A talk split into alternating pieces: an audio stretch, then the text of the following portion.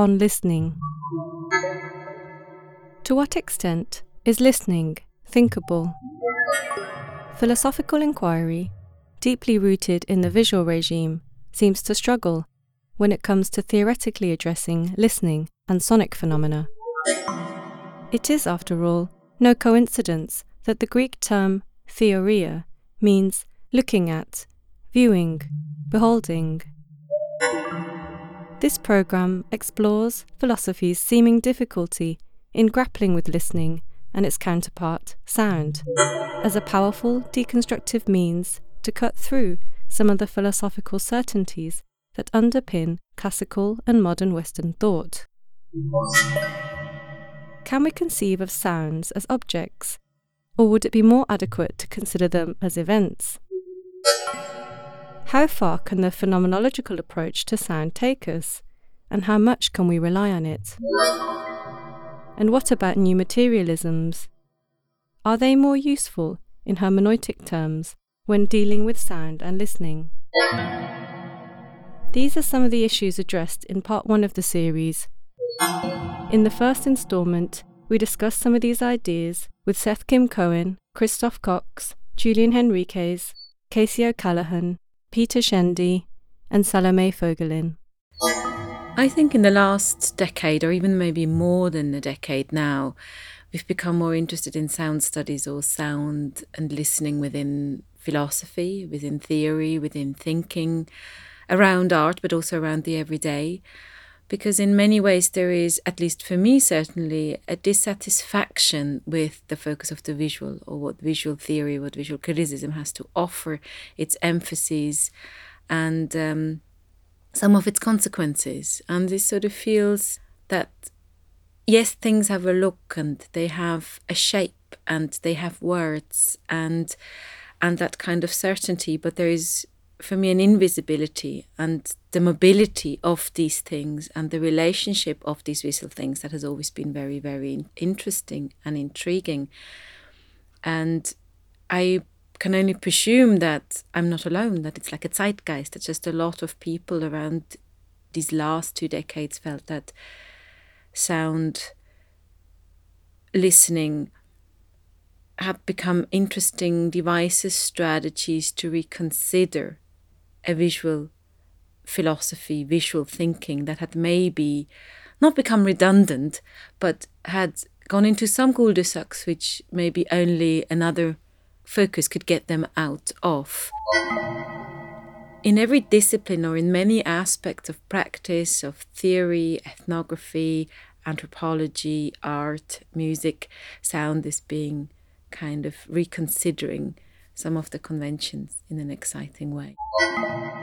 I think, particularly for philosophy, listening and sound is very, very important. And obviously, I'm not, I'm a writer, but I'm also an artist. So when I do philosophy, I do philosophy. I'm not a philosopher, which also gives me an awful lot of freedom because I don't necessarily have to stick to some of the conventions or the expectations of the discipline, but I can do philosophy as much as I can do stuff with sound. And why I find it intriguing because, of course, Western philosophy comes from a very visual tradition. Language, our language base, is very visual. It's focused around the noun, which determines the syntax, which is sort of the main controller of the sentence, and therefore also the main controller about how we think about the world, that we think in terms of subjects and objects and how they determine what we do. Whereas sound, in many ways, is a verb and it focuses on the process, on the doing, on that invisible mobility.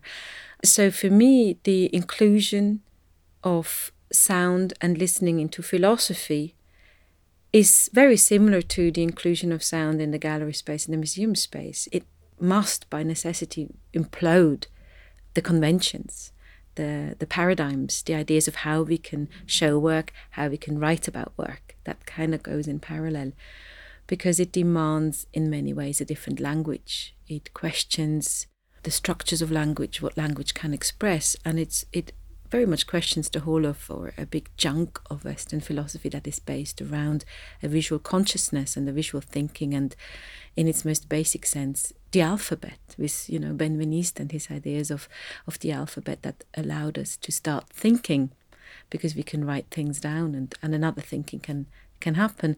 And I think it's not that sound should trash and abandon that thinking that's born in the alphabet, but it's uh, it can augment it, it can radicalize it, it can rethink the words and what they point to and how they are used.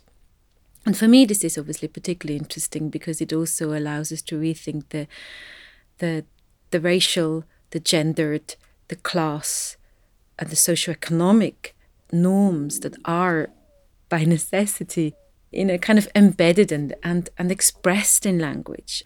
Sound for me is on the one hand an artistic material that can question aesthetic knowledge and consciousness, but it is also a lever that can question a philosophical knowledge and philosophical trajectories and how we think and how we express this thinking and how then obviously through writing we might challenge new ways of thinking about it, hopefully more pluralized ways that by including the invisible, the ephemeral, the complexity and mobility of sound,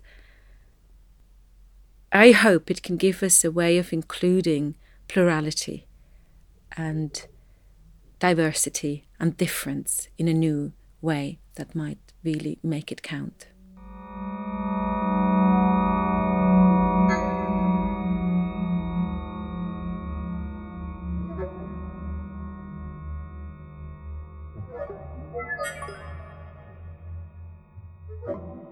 Peter Szendy. The history of philosophy um, has um, somehow focused mainly on what, what can be called the first sense, that is to say, vision. Obviously, the, the whole vocabulary of, of philosophy, words, concepts like uh, idea, come from the, the, the field of, uh, of vision. So, listening the so-called second sense, the sense of hearing, is a challenge if we are to think uh, listening as not a variation of vision, as being not another way of seeing, but uh, if we are to think listening as such, I would say, in its specificity. Now, the philosophers who, who have uh, thematized uh, listening are not so many, actually. I would name maybe Nietzsche as uh, not as the first historically, but maybe as the most important philosopher, thinker who really started to transform. He started not only to, to think about listening, but to transform his philosophical practice, so to speak, to approach texts, various uh, corpuses uh, in the history of philosophy by way of uh, what he called auscultation. So the idea of auscultation, not as a specialized topic that would relate to, to the history of medicine or, um, or as a regional question, but the idea of auscultation as being really part of the work of the philosopher. Uh, this idea of auscultation, I think, starts to emerge in the work of Nietzsche. Uh, Nietzsche famously wrote in the preface to Twilight of the Idols about uh, auscultating the idols.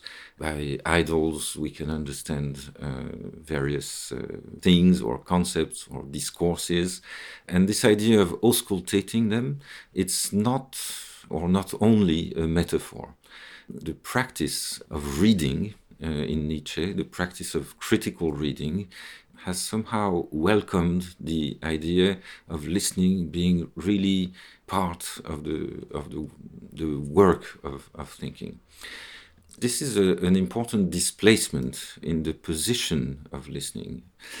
But then the challenge to philosophical thought is also that listening is never a limited domain because listening always borders on or touches on other senses. Uh, so, when, uh, for example, Nietzsche speaks about auscultation, the sense of uh, touch, of tact, uh, is also implied in the process.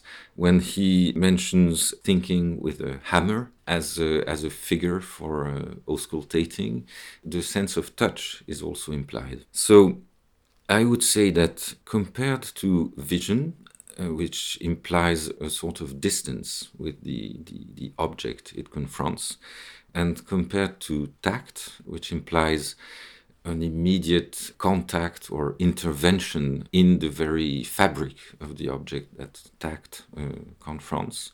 Listening is somehow an intermediary field. Listening also implies distance, critical distance, consideration, uh, with uh, consideration implying a sort of respect for, for the object that we maintain at a distance. But at the same time, uh, listening, especially when, when it takes the, the shape, I would say, of, of auscultation, listening also implies a contact, a kind of um, kind of contact that, that has maybe more to do with touch than the distance of vision. So listening doesn't leave the, the subject and the object, if we can, in a provisional way, use these categories. Listening doesn't leave the subject and the object distant from, from each other. This, of course, we can understand, obviously, when we think of a sonorous object that sort of uh, hits the, the listener, uh, hits uh, his or her eardrum, and, and somehow penetrates inside the, the listening subject. Uh, but I would argue also, uh, and this is more uh, complex, maybe less less obvious. I would also argue that the listening subject also somehow acts, transforms. Yes, it displaces. It it somehow hits or touches upon uh, the the object that presents itself to to the to the hearing sense. Again, this is uh, this is quite. Um, obvious in the case of, uh, of auscultation. I don't know in Spanish or in English, but uh, in French, the word uh, for listening, écouter, comes from the Latin, auscultare. So uh, the, the practice of auscultation, I would compare it with the practice of punctuating punctuating means you know articulating dividing in a way analyzing so so um, punctuation as auscultation doesn't leave the body of music or the, the body of discourse that, that we are listening to, it doesn't leave it untouched or intact. So, this is why I say uh, in listening, not only is the listening subject somehow hit by, by the, the sonorous or, or linguistic phenomena that, that appear to it, uh, to him or her, but listening is also an operation. I would describe listening as an action, uh, not only as mere passivity. So listening does something. And this would be maybe the the third uh, philosophical challenge that uh, listening poses or, or, raises for, for thought, for philosophy, because I would argue that listening implies a responsibility. And this responsibility, we can think of it or in order to think of it, we must conceive of listening as an action, as a decision. In every moment when I listen, I sort of decide how to punctuate, how to um, how to articulate what I lend an ear to, and this kind of uh, of micro decision I would even go so far as to say micropolitical decision is implied in every second when we listen. This punctuation, it can be a sonorous punctuation. For example, when we go to, to a concert, when we clap, when we hiss, we shout, when we uh, uh, we whistle. We there are many ways of um, for a manifestation of, of one's uh, one's listening activity, many many sonorous ways. But it can be also a, a mute way of, of punctuating. For example, I, I always notice that when people listen to one another or to music or to whatever, they tend to, to blink with the, the eyes, you know.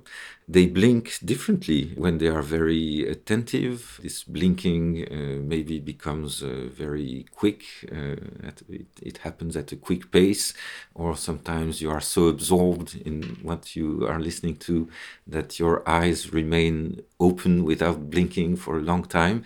And this is an almost a very discreet, almost unnoticeable punctuation, but still it manifests uh, the fact that listening is an ongoing activity. And as such, as activity, it always entails a responsibility. So when we listen to someone or to something, we do something.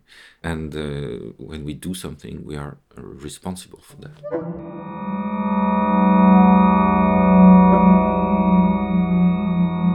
So, in, in a first uh, approach, maybe we might uh, say that um, the, the, philosophical uh, position uh, is about um, is about a certain mastery.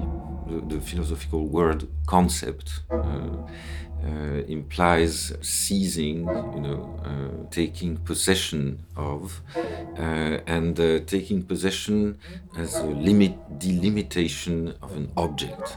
Right? Uh, so, concept, Begriff in German, is a word that indicates appropriation and mastery upon what we are thinking. So this this idea of the, of the concept would imply at the same time a certain distance. So the the thinking subject seizes the object at a certain distance, and mastery also implies a hierarchical relationship. Right? If I have to be able to, to seize something philosophically by thinking it, I have to situate myself at a distance from this object, but also taking possession of it. Now, I think the paradigm of listening raises quite uh, different questions and implies quite different position. Maybe I could explain that by taking an, an apparent detour in the history of the relationships between listening and power, between listening and mastery. There is a very interesting moment that uh, Foucault has uh, analyzed in his famous book Surveiller et Punir, uh, which is the moment of the panopticon. So the panopticon, uh, as Foucault explains, works, functions uh, because of a certain dissymmetry. And this dissymmetry is a dissymmetry between the one who sees, who is able to see everything, panopticon, and the one, the prisoner in a prison, for example, uh, who doesn't see anything but is seen. So his uh, his consistence, I would say, uh, is to not see but to be seen.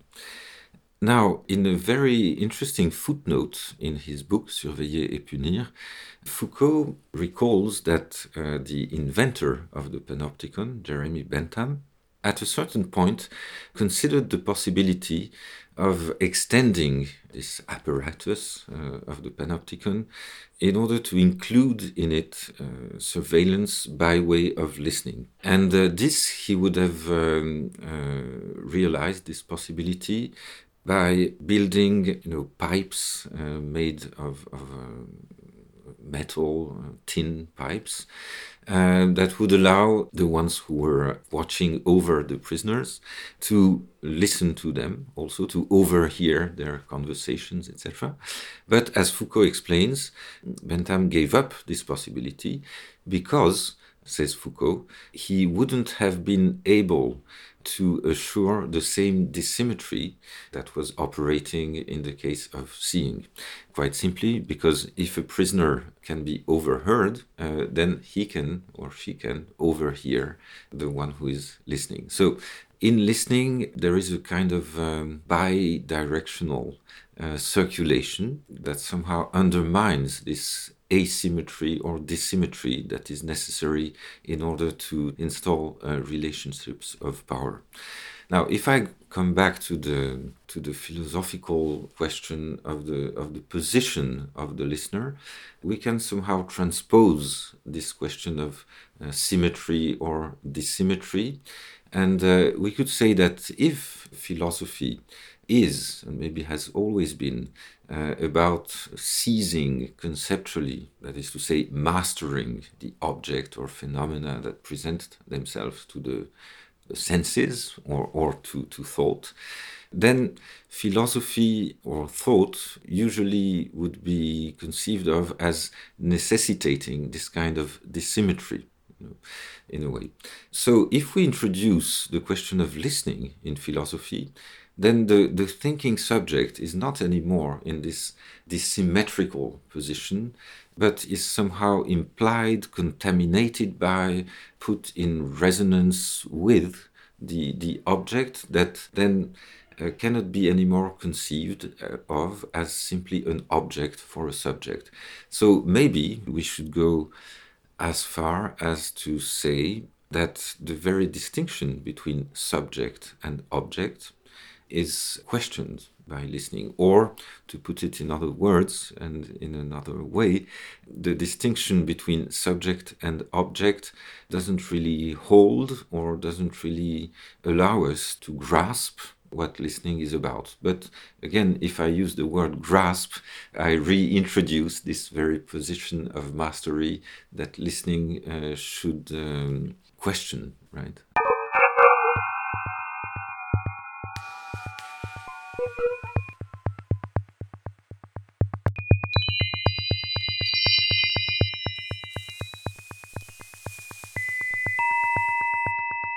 Christoph Cox.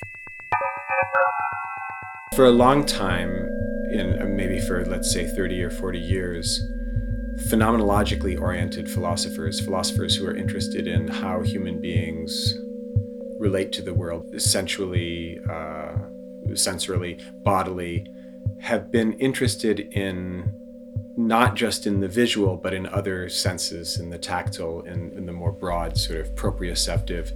And I think there's been a, a, renewal of interest in a phenomenology of listening that I find really interesting, although I also think it's a little limiting. For me, it restricts listening solely to a kind of human and subjective point of view. And I'm interested in thinking of listening very broadly. So, in my own work, um, while I very much appreciate those phenomenological approaches, I try to think about what a non human listening might be like what a machine listening might be like. So much of what we hear is actually heard by machines, whether it's microphones or, or recorders of various sorts. So I'm interested in that kind of non human hearing. So I think the interest in listening comes from a lot of different angles philosophically. The ways of the, the predominantly post structuralist and deconstructive and psychoanalytic approaches to thinking about art that were so powerful in the 70s and 80s, I think by the end of the 90s came to be seen as dominant and maybe even somewhat exhausted. And a new group of philosophers emerged. I'm thinking of people like Quentin Meillassoux and Ray Brassier, Graham Harman, Manuel de Landa, who began to take back an older philosophical language that was really considered naive by the artistic discourse and the philosophical discourse that was so dominant in this in the 70s and 80s and, and 90s. And the basic claim that realism makes, at least the realism that reemerged with these philosophers, is the claim that there is a world that exists independently of human minds and that it can be accessed or described in some way.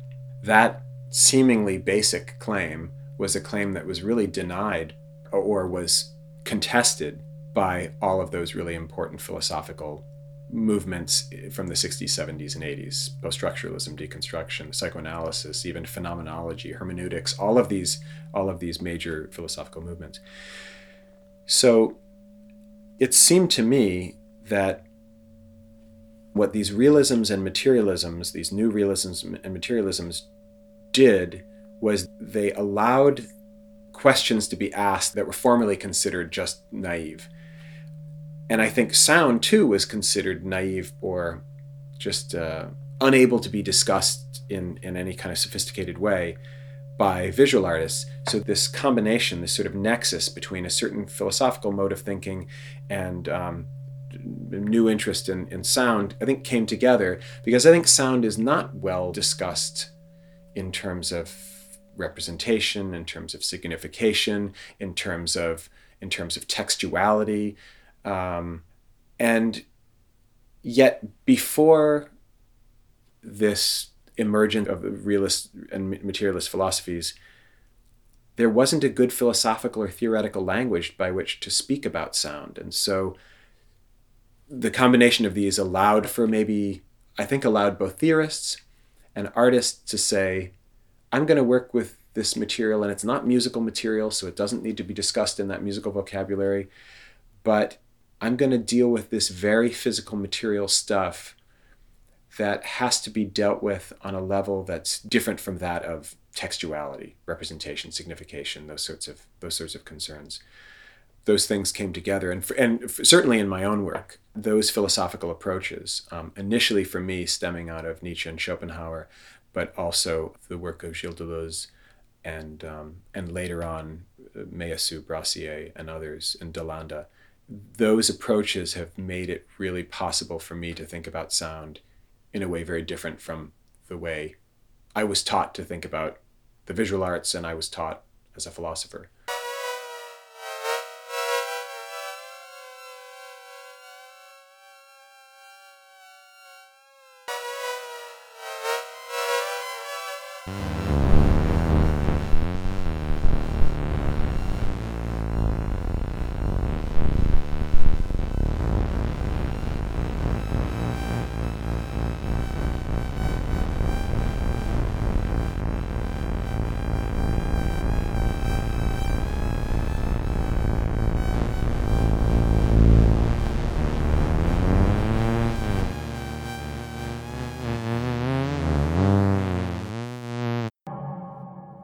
Sound and music have always been puzzling to philosophers, to our ordinary language. There's a long literature in philosophy that, that asks, what is a piece of music? I mean, what is a piece of music? What is a sound? I don't think there's the same kind of literature about paintings and sculptures. I mean, we take for granted that we know pretty much what a painting or a sculpture is. But for philosophers, what is a piece of music? Is it, surely it's not just that which sounds at any given moment because sounds vanish. But is it a musical score? No, it's not. It can't be a musical score because a musical score is silent. It's, it's an instruction for producing sound. So philosophers have always had this idea, you know, how do we capture sounds? They're not objects. They're not very good objects. You know, we, of course, we do this by way of a score. We capture sounds by way of a score. We capture it by way of records and recording. But those don't so much capture a thing, they capture a set of events. So if we're going to talk about sound and if we're going to talk about what sound is, I think we have to talk about it as a set of events, as temporal happenings, not as objects that remain discrete entities. And this is something that I think we do get to some degree in Bergson. One of my favorite contemporary books, one of my favorite more recent books about this, is a great book by the philosopher Casey O'Callaghan called Sounds. He's a philosopher of perception who, that tries to think about sounds not in terms of objects, because sound just, it, it's not a good candidate for being an object, but sounds as events. He uh, also develops this realist conception of sound. We might think, for example, like what is the sound of a trumpet? Well, there's a trumpet, and the sound is the sound is to the trumpet the way a color is to a door. And he says, no, that's not quite right, because sounds have a life of their own. They have an independence from their sources. And so he develops this beautiful realist account of, of sounds in terms of events. And this, this philosophy of events comes from a number of sources. It comes from Bergson, it comes from, from Alfred North Whitehead, it comes from Nietzsche. These are all ways of trying to develop how to think about an entity that isn't an object, that isn't a thing. And, and, this is another way in which sound really does something that sound contributes to philosophy in a way that goes much deeper than what the visual arts could could offer. Sound reveals the origin, it reveals something deeper, something that underlies the objects that are normally taken as works of art, paintings, sculptures, drawings, and gives us this sense that what really underlies everything are events. And what a thing is, it's an event that lasts, right? So my body is an event in time. It's a temporary concretion of physical forces that hold together for some period of time before they, you know, collapse back into, you know, into the material universe. So all these philosophers, I think, help us to develop a, an account of events that I think music is the is the best aesthetic source for thinking about eventhood.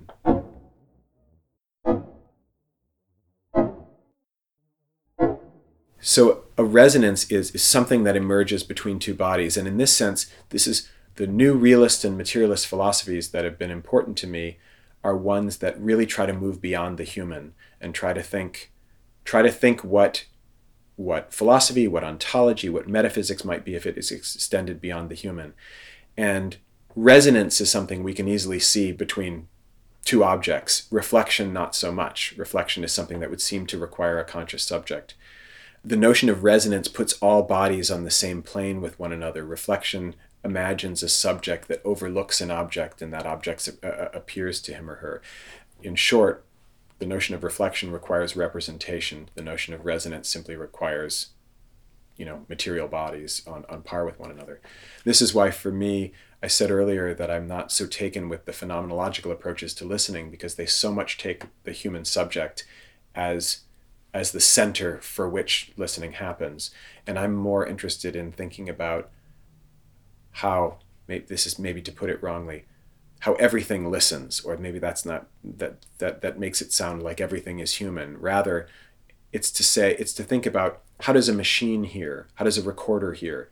The old question you know if a tree falls in the woods and nobody's there to hear it does it make a sound? My answer is of course because all the because leaves and trees and whatever apprehend that that resonance again this is not to say this is not to espouse what philosophers call a panpsychism, that everything is a mind. It's actually the reverse. It's to think of human beings as on par with the material world rather than the other way around. Casey O'Callaghan. Sounds and listening have a tremendous amount to contribute to philosophical inquiry and discussion and conversation. In large part, that's because philosophical ideas about the mind and about perception have been shaped to a really remarkable extent by attention to vision, visual experience, visual consciousness, and other visual forms of awareness. So, philosophers and cognitive scientists have spent a lot of time thinking about what we see, how we see it, and the processes responsible. There's much less work, especially up until recently, on other sense modalities and what they teach us about perceiving. But of course, there's no guarantee that claims that we make about perception that are grounded in the case of vision or its objects are going to translate neatly and without controversy into into claims about other sense modalities like hearing. So I think hearing is a beautiful case study for attention to a non visual perceptual modality and provide a route into thinking about perceptual objects that are quite different from those that we see. So I think that paying attention to other sense modalities beyond vision extends and improves our understanding of what it is to be a perceiver in the world. It also forces us ultimately to confront the ways in which the different sense modalities relate to each other, uh, the ways in which they interact with each other and, and cooperate and coordinate, and how this kind of cooperation extends and enhances our perceptual capacities. So we may have the capacity to bootstrap together our different senses to extend and enhance uh, our perceptual capacities.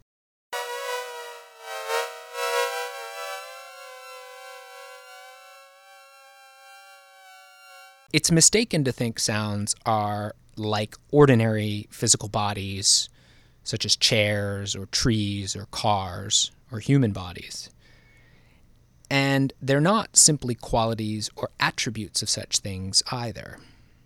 Instead, sounds are in one respect like objects, in that they're independent particulars.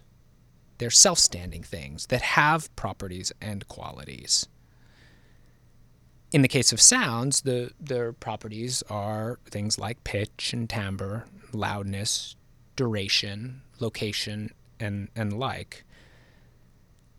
But sounds aren't the same as or aren't identical with such qualities because they can survive changes in those properties and qualities. So sounds persist through changes in their attributes and thus are independent things rather than properties or qualities of something else. So they're not attributes of ordinary material bodies. And since they persist and survive changes to their qualities, they're not simply attributes themselves. Sounds are different from ordinary objects in how they last through time. Ordinary material bodies seem to be entirely present at each time at which they exist, in the sense that what's there right now suffices for being that thing. All of it is present there now.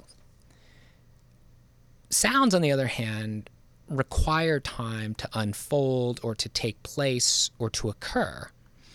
And differences in particular sounds, like the sound of the word foreign and the sound of the word forest, can be grounded simply in how they change over time. So that pattern of unfolding is critical to its being the sound it is. So sounds are more like events, like sports matches or meetings, than they are like objects, like tables or lamps.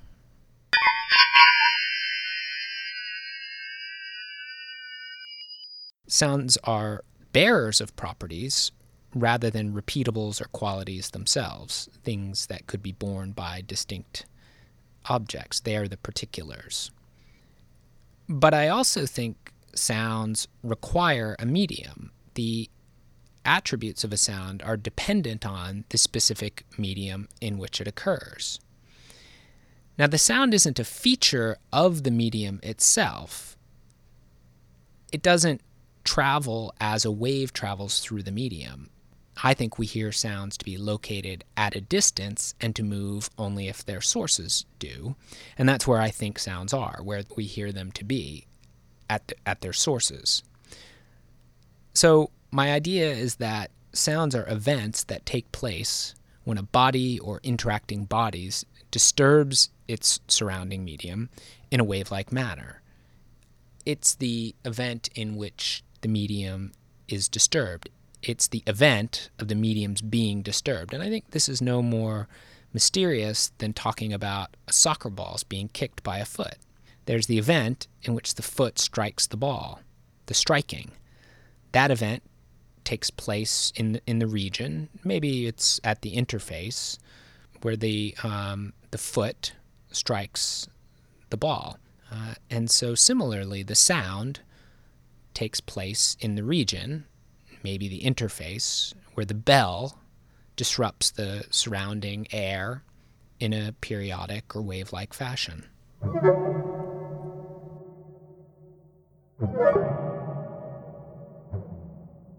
In my account, at least in central cases, sounds do seem audibly to be at a distance. But in certain cases, they can seem to be all around or at differing locations it's just that in the in the central cases they don't seem to travel. The concern is that inferring that something travels just because its source is over there and I'm here and I heard it is fallacious. So in parallel, I could see the wall, I'm over here, but that doesn't mean the wall traveled towards me in order for me to be able to, to see it. So, since sounds seem to be stably distally located, usually, or at least in central cases, at or near their sources, rather than to travel through the medium towards me in the way that a wave or the auditory analog of a missile traveling through the air towards my ear might, I think an account of sounds should locate the sounds where they seem to be all else equal on pain of attributing a systematic illusion and audition. So, according to this kind of account, information about the thing that's perceived, the sound, travels towards me in a way that's connected with the wave, just as information about visible objects at a distance travels through the medium by way of light. And that information and the detection of that information enables me to perceive the distally located thing, but that doesn't require identifying the thing that's perceived with the information. When we're talking about perception, the notion of presence, I think, is ambiguous between a few different ideas. In the first instance, there's the notion of its being perceptually present. That is, before me, accessible to me, um, present before the mind, able to be demonstratively referred to, singled out for the purposes of action and thought and talk. Part of this might be temporal presence, that is, being now contemporaneous with my hearing. And parts of a sound might be present at a given time. But of course, as we hear them, because we hear them thanks to the information that's carried by the waves, the sounds themselves are in the past. So the sounds we hear, or the parts of sounds that we hear at an instant, are never strictly contemporaneous with uh, our experiences of them, with our hearing them. Since they seem to be present, but in fact are past, there's always a little bit of a delay. So, in that sense, the sounds we hear are never strictly present when we hear them to be. Another part of presence could be spatial presence, that is, being right here, spatially before me in my environment. And I do think sounds typically are present in that sense when we hear them, though, of course, technologies like radio and recordings enable us to hear sounds that aren't, in fact, spatially present. We can hear a distally remote sound, like the sound of my voice right now as you hear it, even while I'm at a remote place and time.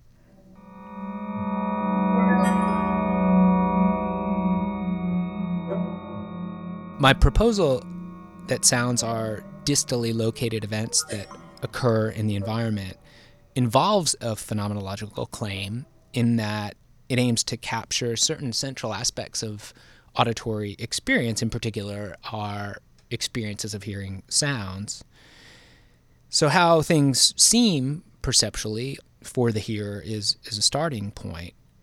But while I'm making phenomenological claims, and they are a starting point, my, my method itself is not phenomenological in the traditional or constructive sense. So these claims for me are starting points. Part of the reason they remain starting points for the beginning of theorizing is that I think it's very difficult to defend phenomenological claims. And these claims should be taken as data for a theory rather than its foundations. Partly, phenomenology can be highly unreliable, as we don't in every instance have transparent first person access to the contents of our own minds or of our experiences, including auditory experiences. We do have relatively good access, I think, to when there are differences or contrasts in phenomenology, but these contrasts or differences can have a variety of sources. And, and so we're not always in touch directly with the precise source or explanation for some contrast or another. So it is one of my aims to capture phenomenology, that is, the, the lived experience of the hearing subject. And I do think that all else equal, an account that captures that phenomenology is preferable to one that does not but this is, I think, a complex subject, and these phenomenological claims themselves are theoretical claims that are informed by a variety of evidence and that are subject to argumentation and debate. I am a realist about sounds in that I think sounds themselves are events that happen in the world independent from any subjects that may experience or hear them. So their existence doesn't depend on minds or on being heard. So, to be clear, I don't think sounds are dependent for their existence upon our minds or experiences. And so I'm a realist about sounds. whether or not I'm a materialist about sounds depends on how you interpret the notion of matter. So, in my view, sounds are out there in the material world. They're inhabitants of that very world, the world of forces and energy and tables and chairs and bells and people. But they're not like typical material objects or bodies as you standardly um, might call up examples of such things. We don't hear sounds to have sharp spatial boundaries or to exclude other objects from where they're located or to interact causally with such objects. So, sounds aren't made up of matter in the same way that classic examples of dense material bodies are. They're not like the the stereotypical medium-sized dry goods that we see. So they're not material objects in the familiar sense.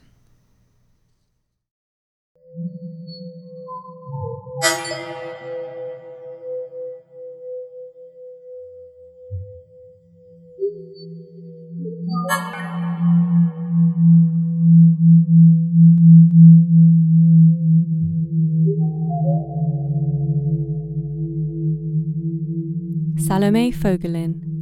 I am very, very interested in the notion of a posthumanism and in a kind of reconsideration of materialism and what a sonic materialism is, or what it could be, and how it can contribute to our consciousness of the world and how we live within it.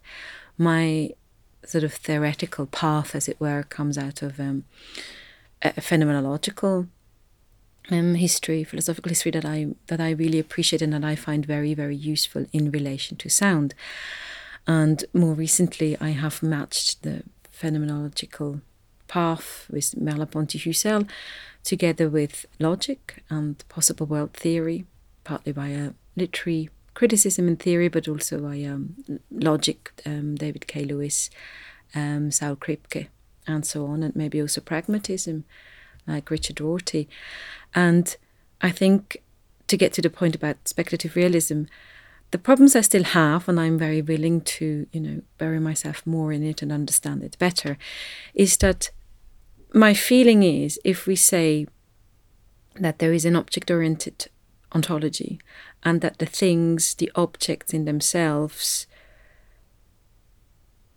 that we have to take the object's perspective to understand the object. For me, yes, it pursues the aim of not being anthropocentric, of being a post humanist.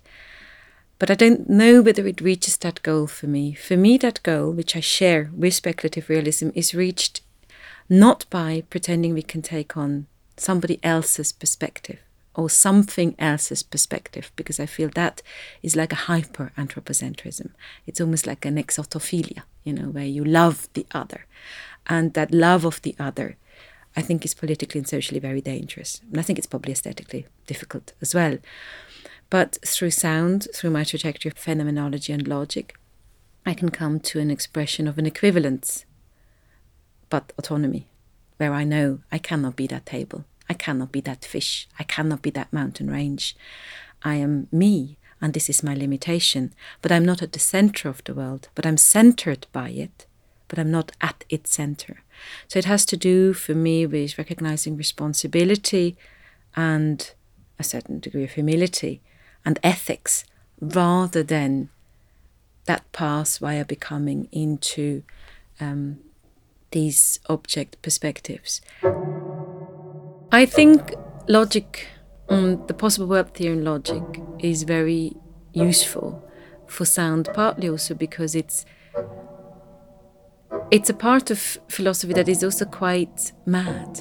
You know, you'll find a lot of quite mad people within that branch of philosophy who, you know, David K. Lewis, for example, he's a he's a radical realist. So for him, every world is actual for the inhabitant of that world, and that is quite a you know this is a massive um, suggestion that the actual possibility of a world depends on the person living in it.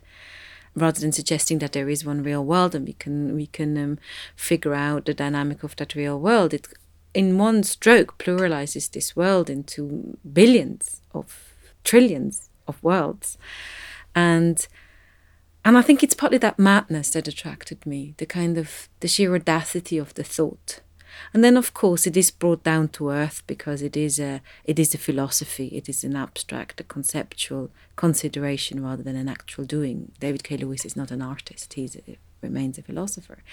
And and the worlds that are used within within possible world theory, and they're also quite straight world theorists who are very weary of of um, contradiction and they're very weary of uh, follow rules very very tightly as to what is possible in this world and whether this world counts because this is possible at this world and this is possible at that world. So they're not all quite so free thinking and, and but i was attracted by that aspect for sure. And partly because of course that is what art is about. Art is about creating things that open up the possible, possibility, and even impossibility, the unknown, to produce new knowledge and get us to what is as yet not known, even though it might exist, but it's not with our consciousness, so it's not within our reach.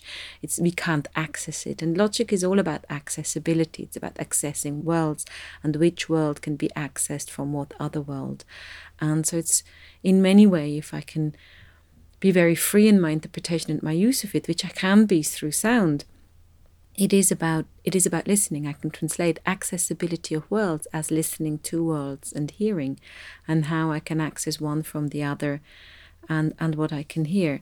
So this is what kind of got me going and what became very exciting for me. And then reading how it had more recently been used within literature theory, but also within games design theory, which obviously is all about games design. is all about creating these worlds that we, at least for the time that we play the game, accept as, a, as a, an actual possibility for us. That's how we're seduced into it all. And that's how I found it very useful and very intriguing to deal with sound because it takes sound automatically out of the role of the attribute. Oh, it's the sound of a car, it's the sound of that, and allows me to talk about how I inhabit a sound and how I make sense of it within it as a world, as an environment, rather than in relation to something else. And then I can also very quickly start to think about accessibility, how we access these other worlds. And it it very quickly solves this philosophical problem about if the tree falls in the woods and I don't hear it, does it make a sound? Because it actually answers that question so easily. It, it might, it will be a possible actual sound for somebody who's in that wood at the time, be that a squirrel or a human being. But it remains an impossible, a possible impossible sound for me because I didn't hear it. It wasn't within my inhabiting. So I think that's how it became very intriguing.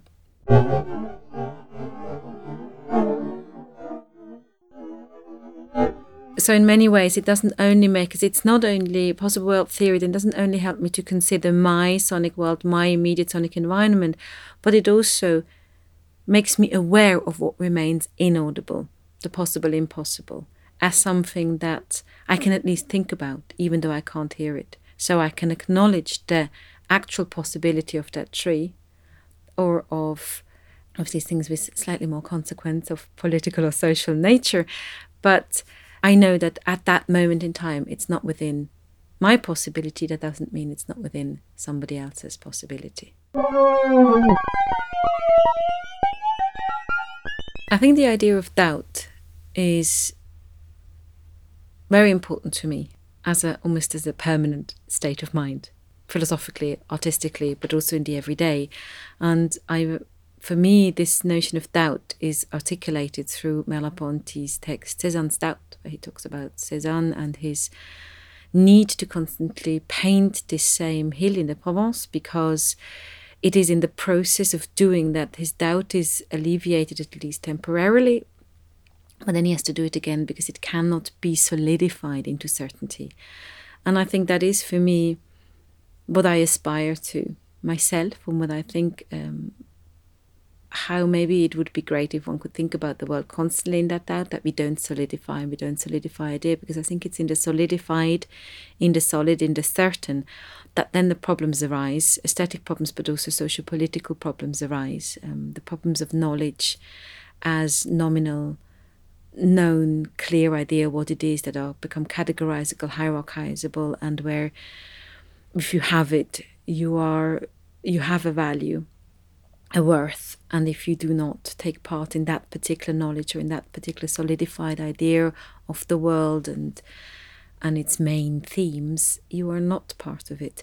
So that is kind of almost my um i don't know my mantra my idea doubt doubt. And i bring that into the teaching. So when i when we start off a new ma every year this is the first thing i want them to read and it's the first thing i want them to take on as an attitude that at least for the duration of this course, they should be in doubt all the time because it's it's safe within that scenario to be in doubt, but it's actually what drives the artistic impulse and the and the thinking impulse. And I think this doubt is easier achieved in listening in many ways, or it is maybe particularly demanded by listening. It is particularly demanded by sound because we cannot rest our eyes on the solidified. We cannot even pretend that there is an object. It is fleeting, it is ephemeral, it's it's passing, it's invisible, it has that invisible mobility that we talked about earlier. This is not an essentialism against the visual because I think the visual is equally ephemeral and equally invisible, like we said, about these dynamics that actually create the visible moments. But the way we talk about it, the way we write about the visual, our culturally determined visuality has to do with objects and with language. It's not how we look, it's what we see that I'm trying to augment, challenge, critique through this doubt and listening, sound, hearing being a, a device in pursuing this doubt. And so we get to the invisible, we get to that which is not seen, but which actually forms, but contingently and formlessly forms the visual contingently all the time anew. So that even this table that sits here, seemingly very solid in front of us, isn't the same table from one second to a second. It, it changes what it is. And I appreciate that. Of course, in pragmatic life, it'd be very weird to go through life and everything would just be this completely fluid, ever morphing and and and non-solid environment. It would be anxiety producing, terrible anxiety producing. But I actually think, artistically speaking and philosophically speaking, this anxiety is what is needed in many ways to remain restless, doubtful of norms and and of ideas. Because I always maintain that. Um, Merleau-Ponty doesn't talk about sound very often. He mentions it a little bit. He talks a bit about music, but he also died very young. And I have this sense that had he lived, say, 20 years longer, he probably would have hit up on sound. It almost seems inevitable if you read those last writings of his that were posthumously edited together and published. There seems to me to be a sonic sensibility and a sonic consciousness in the writing, although it is not expressed. So I in many ways take the liberty to translate his invisible into a sonic invisible in the book and, and, and trying to not abuse his writing at all. I'm, I'm very respectful of his writing, but I think there is obviously I don't want to solidify it either. I want to work with it. I want to have it in process on trial all the time. So I, I move it on into my sense of the invisible through a sonic sensibility. Seth Kim Cohen. For me, I don't think I would make a kind of hierarchical distinction between sound and listening. If I were forced to make some kind of priority to privilege something, I think I would probably follow someone like Derrida, who, and, and I usually do follow Derrida, in thinking that there's some kind of distinction between, when he makes this distinction between speech and writing. So, speech in Western philosophy is often privileged as being closer to the body, closer to the soul, more real somehow. And writing is usually thought of as a secondhand translation or uh, transliteration of, of the speech.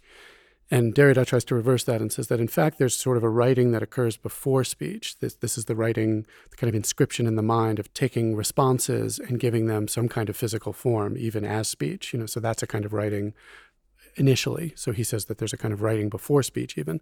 So I would make a similar claim about sound or, or about listening that before we can worry about sound as a kind of material or a kind of phenomenon or and before we can think about listening as a practice there's already a kind of transcription or inscription of impulse or something i don't know you know energy something into a form something that we can recognize. And so already there's a kind of inscription that i that i want to sort of recognize before before we even think about sound or listening. It's it's similar to what um, in Douglas Kahn's book Noise, Water, Meat he says about Cage's famous experience in the anechoic chamber, where Cage goes into this room that's supposedly completely silent, and then he he hears things and he wonders why you know why am I hearing these things, and he asks the engineer what am why am I hearing these noises, and the engineer explains well it's your body, it's your circulatory system and your nervous system at work, and you're hearing your own body, but Douglas Kahn says before he can even ask this question, he has to do this kind of inscription. He has to think, you know, I'm hearing something. What is that?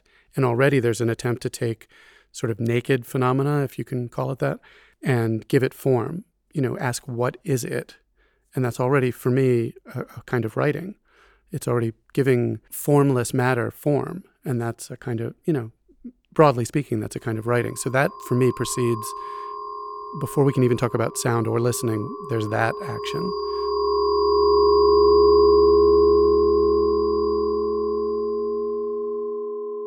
I think that form of inscription does exist in between subject and object. It requires a little bit of both. It requires some materiality that has to come from the object that constrains it in a way, but then the subject has some responsibility to either recognize or maybe create, and I'll try to stay neutral on that question, to, to recognize or create the form and the signification that's carried by that material.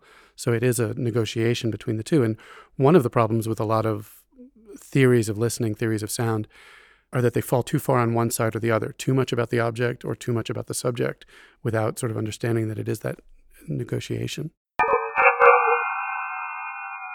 I think I've gotten myself into some trouble on, on this question of the real, you know, of what of what is really there.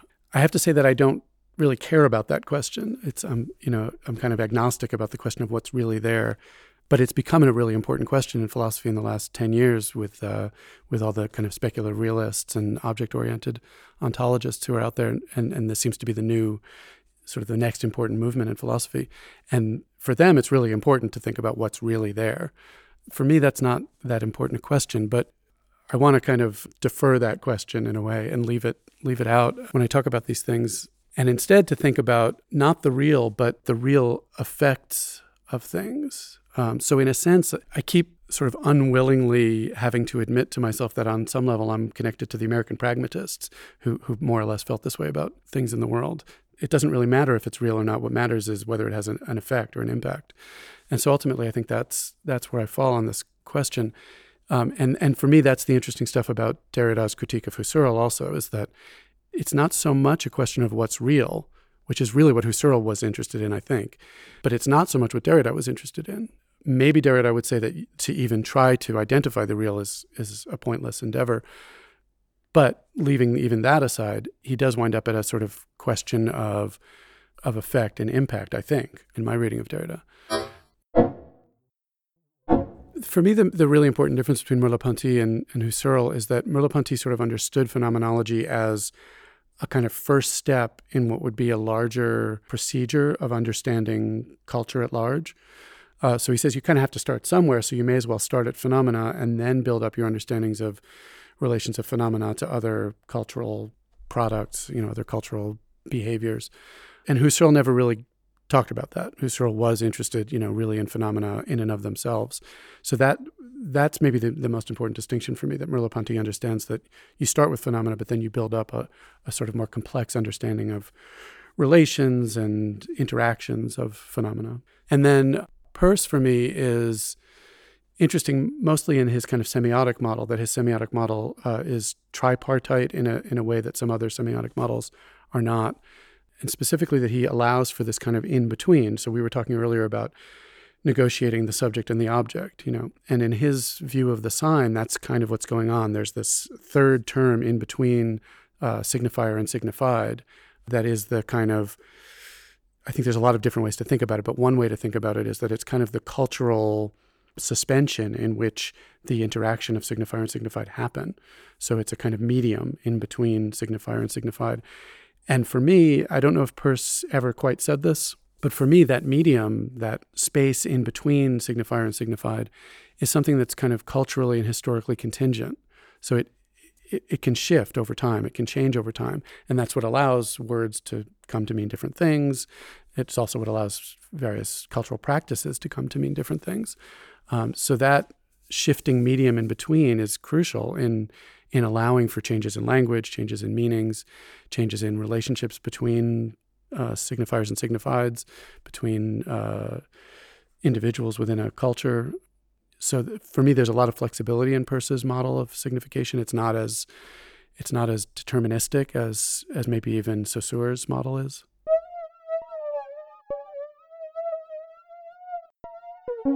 So speculative realism and and its kind of sister movement, object-oriented ontology, uh, are these two kind of new philosophical movements. You might call them new materialisms. They're very focused on sort of materiality um, and questions of of object status and of of the real. I've borrowed a, a kind of important point from one of these people, a philosopher named Timothy Morton, who is more aligned with the object oriented side of things than the speculative realist side. And he makes this one important point between anthropomorphism and anthropocentrism. Because what one of the concerns of speculative realists and object oriented ontologists, sort of very generally, is they want to kind of reverse the tendency of post structuralism to think in a kind of in a way that's very indebted to German idealism, of making a kind of separation between phenomena and reception, very broadly speaking. Um, they want to say that there really is stuff out there you know, and that we have to really contend with the materiality of the of the world in order to be honest with the world. And one important aspect of that project is that they think that by taking this kind of more idealist stance, we've we've been able to separate ourselves from the world and give ourselves a kind of permission to misuse the materiality of the world, to misuse the, the physical resources of the planet to get ourselves into all the trouble we're in with global warming and, and the depletion of resources and all that kind of stuff. And I certainly am sympathetic to a philosophy that wants to change our behaviors in those ways. But this is where Morton becomes kind of interesting when he says that there's a distinction between anthropomorphism and anthropocentrism. Anthropocentrism would be behaving as if the human is is the privileged entity on the planet, thinking that, you know, we have the right or the privilege to do what we like with the rest of the creatures and materials of the planet. And certainly I, you know, that's dead wrong, you know. But he says that we shouldn't discard anthropomorphism when we discard anthropocentrism because we can't because necessarily as human beings we we have to take in the world through we have to form it that's the morph part of anthropomorphism we have to form it through our anthro, through our human apparatus. You know, so sound comes in through our ears and has to travel down a very narrow channel and vibrate certain filaments inside the ear. You know, at one point it's the the filaments that create lower tones in our eardrums, and at other points in the ear canal, it's a, the filaments that create higher pitches. So even the location of low and high is anthropomorphized. It, it's formed by where in your body the sound connects. So he makes this distinction between anthropomorphic and anthropocentric and saying that we have to accept that we're going to anthropomorphize the world because we take in the world through physical apparatus, but also through cultural and linguistic apparatus. We process the world through human structures of various kinds. We have to accept that. What we then have to do is not make that a privileged set of apparatus, but but just understand it as you know maybe as a limitation. It's all we have. It's what we it's what we have to work with, but not to think that we're in any way that our perceptions of the world are more true, more real, more important. None of that.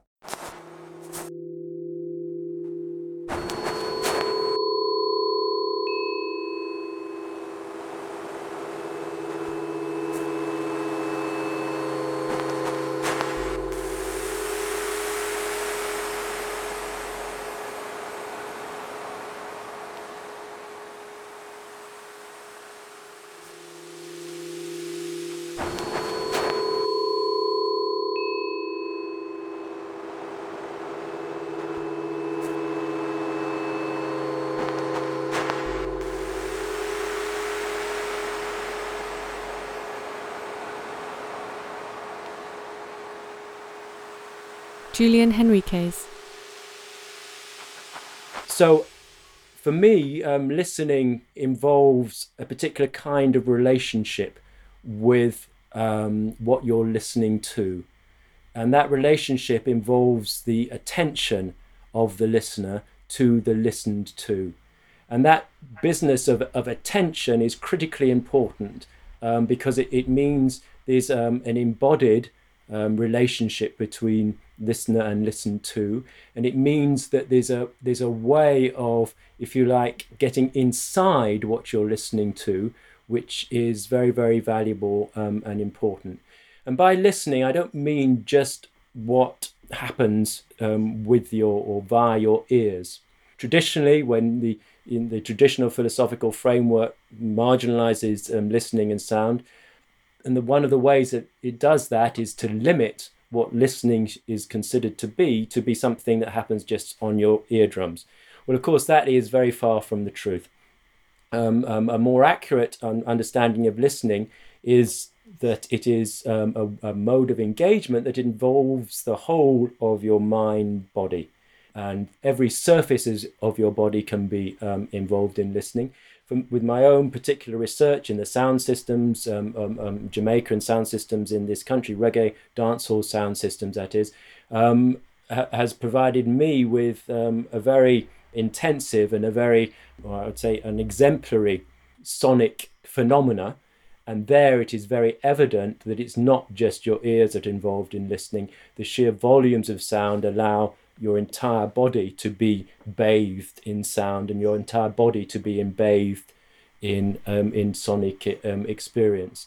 And that's um, to the extent that the real keen people in the sound system things will actually put earplugs in their ears so that they didn't, so the ears aren't damaged by overload um, and so the levels of sound can be sufficiently strong or high to be felt not just on, on the surfaces of the body, but actually on the different organs of the body, all over your body. And that is a way of understanding, if you like, listening differently from how it's traditionally understood. And it, that is the beginnings of a way of using listening for, well, basically for philosophical and other types of, of inquiry. when considering listening, we need to well distinguishes it as um, indeed um, Roland Barthes did from merely hearing. Hearing is what we need. That's the we need to have an apparatus, a facility for hearing before we can listen, um, and the listening takes well depends is afforded by hearing. Um, although I want to um, appreciate the subjective experiential side of listening. I don't want to use the distinction between listening and sound event as as a distinction which just recapitulates the sort of traditional mind um, body or more importantly subject object relationship. We we have to use listening as as a way of understanding mediating processes right? And mediating technologies and mediated mediating ways of knowing that in their activity form or constitute the listener and the listened to. That approach has a, quite a lot in common with Michel Serres' idea of the parasite, that that gets between. And so um, between the sender and the receiver, between the object and the subject, which is parasite always um, um, being next to both. So something that is next to everything. And so I think we need to to um, understand listening not as, as a in, in terms of a dyad between listening and listened to object, but in terms of a triangulation. And, and that triangulation, the third point on the triangle between listener and listened to, is embodied in Serres' concept of, of, of, the parasite, but also in the idea of the medium, of the mediating relationship that has to be acknowledged as such um, to understand what otherwise would be a, a simple sender receiver um, model. And that mediation is it has to be technological, but it also has to be ideological, and it also has to be embodied.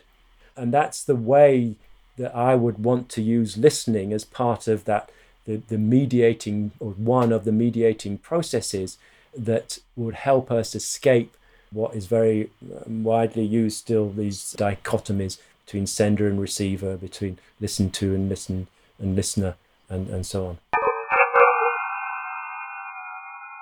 Listening needs to be broadly interpreted as something that not only the ear is involved in.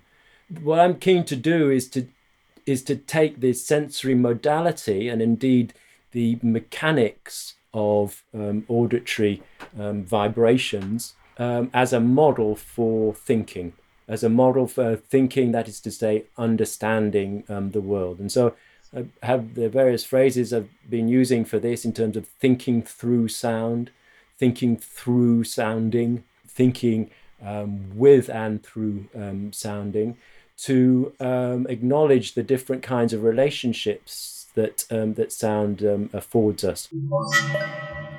The nature of what thinking is changes once you are thinking through sound, and that change is a change, well, which pushes forward in the in the direction of, of, of movement and dynamics as opposed to statics and objects. Because with sound, of course, we are talking about um, sonic events. We're talking about events in time and space, in space time.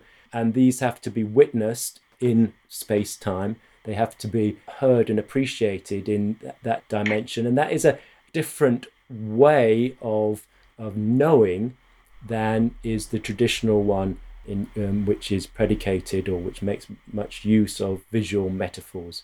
So thinking through sound goes on, develops into a different way of understanding what thought is, and from there develops into a different way of understanding what knowledge is. And so um, I would maintain that thinking through sound implies a critique of thinking and of knowledge. And the critique, of course, is of, of visually orientated and metaphored and Im- imagined ideas of knowledge. One way of characterizing those might be in the traditional terms of the episteme, of epistemic knowledge. And that, as Foucault has, uh, has, has taught us, of, of course, is, is based on tradition, on discipline, and on text. Um, and so the idea of a different kind of knowledge, which is not based on visual image and on text, is a very exciting one. And that's one of the things that listening and thinking through sound offers us. And so what, what that does, again, using my my primary research example, which is the uh, the sound systems in, in, in Jamaica and in, in, in, in Britain, it allows for, if you like, an acknowledgement of the different kinds of knowledge that exist in the world other than in textbooks and in the academy. Tacit, embodied knowledge of ways of knowing, of performance um, techniques, and ways of being in the world which are knowledge producing but are not recognized in the traditional way. And, and thinking through sound is, is a way to access these really rich and important um, knowledge bases which if you stick to visuality and if you stick to thinking through images, you'll never discover.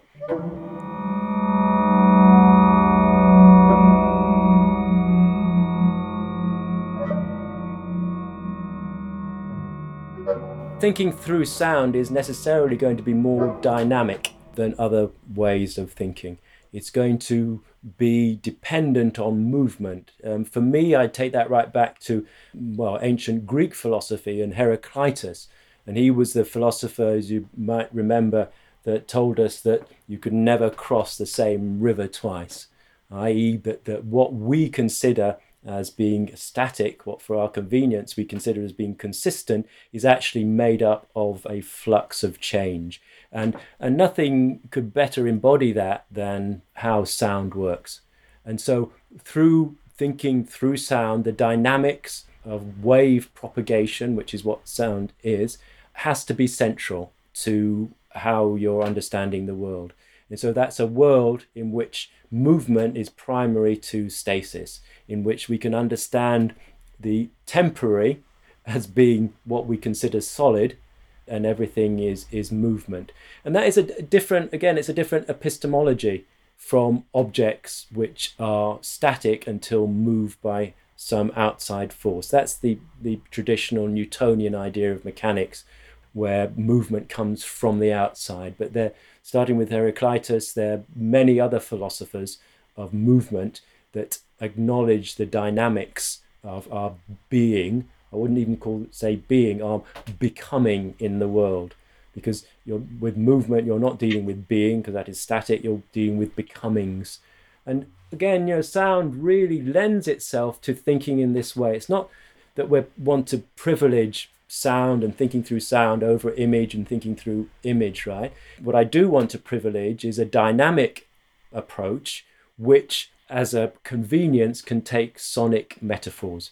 So it's not that the sense, one sense should be privileged over another, not sound over vision or image over, over, over sound, but it's just that the these metaphors and um, give us access to can be, in my sense, more, in my terms, more or less useful for what we what we need to do, right? So, I mean, speaking in very general terms, if you want things to be fixed, if you like the world the way it is, well, then thinking through images is a very convenient metaphor to adopt.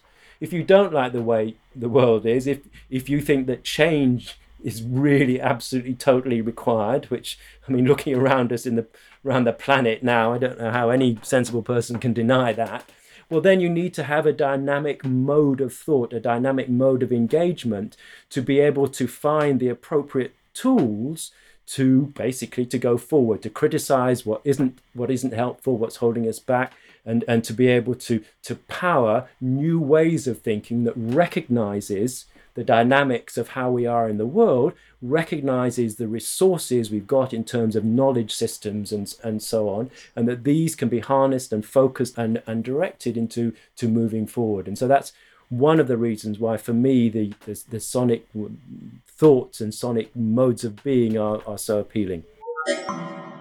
The old tradition of philosophy was a removal from the world right? That you had to, you know, the, the figure of Rodin's statue sitting there in reflection, it's sort of bent in on itself, right? It's a, it's a, it's, it's, it's not an engagement, it's not a dance. We should be able to dance philosophy, right? And of course, when you're thinking through sound, when you, you, you know, the natural thing to do with sound is to move, um, um, to move with them, to be part of the, of, of the vibe. And that's what we have to do to, it's just a question of being open right? It's being open, being engaged with the world, right? It's not something we have to invent. That's what we are. That's what we are, in fact, when we start, before we're born, when in, in, in, in the womb.